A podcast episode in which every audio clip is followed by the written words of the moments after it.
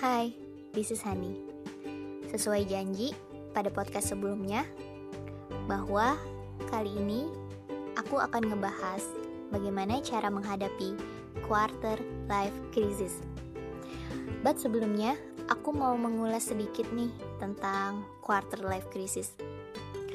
Ya, pada saat memasuki usia sekitar 20-30an tahun, fase-fase ini lebih sering dikenal dengan quarter life crisis. Yang artinya adalah di mana kondisi ini seseorang memiliki kecemasan terhadap masa depannya yang biasanya dipicu berbagai masalah. Salah satunya antara finansial. Begitupun kecemasan terhadap relasi, karir, serta nilai-nilai yang diyakini. Oke, langsung aja aku bahas cara menghadapi quarter life crisis. First, stop membandingkan diri sendiri dengan orang lain. Padahal kamu udah tahu bahwa masing-masing individu pasti memiliki kelemahan dan kelebihannya masing-masing. Jangan pernah merasa kamu insecure atau merasa rendah diri bahwa kamu tidak ada apa-apanya dibandingkan orang lain. Satu saran yang bisa aku kasih ke kamu adalah jangan terlalu fokus terhadap kekuranganmu. Kamu harus fokus terhadap segala kelebihanmu. Boleh saja melihat segala kekuranganmu, tapi jangan terlalu berlarut-larut. Segera bangkit, semangat, lalu kembangkan segala potensi yang ada pada dirimu. Second, bersyukur. Bersyukur dengan apa yang kita punya atau semua yang udah kita capai. Ya, bersyukur adalah jalan terbaik karena kan udah ada janji.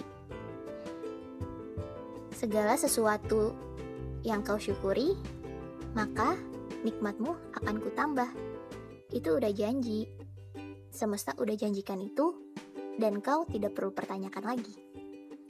Third, berbagi cerita dengan orang terdekat atau yang kita percaya. Nah, uh, sharing is caring. Istilah yang lebih sering kita dengar adalah seperti itu. Berbagi cerita adalah itu adalah the best way uh, untuk mengurangi sisi negatif atau rasa negatif yang sedang kita alami. Dengan kita sharing ke teman yang kita percaya, kita akan ngerasa sedikit beban yang ada di dalam diri kita itu berkurang.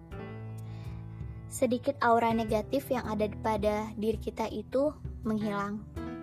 Walaupun kita tahu, belum tentu juga teman kita bisa membantu permasalahan yang kita hadapi saat ini.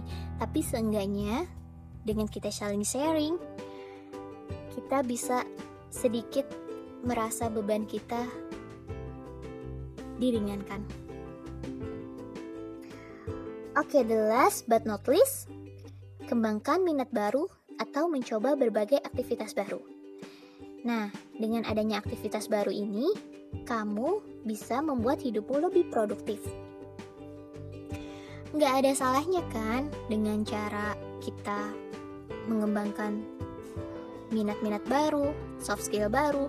Mungkin yang tadinya nggak bisa masak, dia jadi bisa masak. Yang tadinya dia nggak bisa nyanyi, dia jadi bisa nyanyi. Atau yang tadinya masih gaptek nih, dia jadi bisa jadi high tech. Iya, yang tadinya gaptek jadi high tech kan lumayan karena soft skill saat ini itu lebih dibutuhkan dibandingkan nilai IPK. Oke, mungkin hanya singkat aja podcastku kali ini. Karena yang aku rangkum kali ini hanya ada empat cara untuk kita menghadapi quarter life crisis. Oke, sekian dulu podcast dari Hani. Semangat terus ya, jangan pernah ngerasa minder. Salam, Hani MD. See you.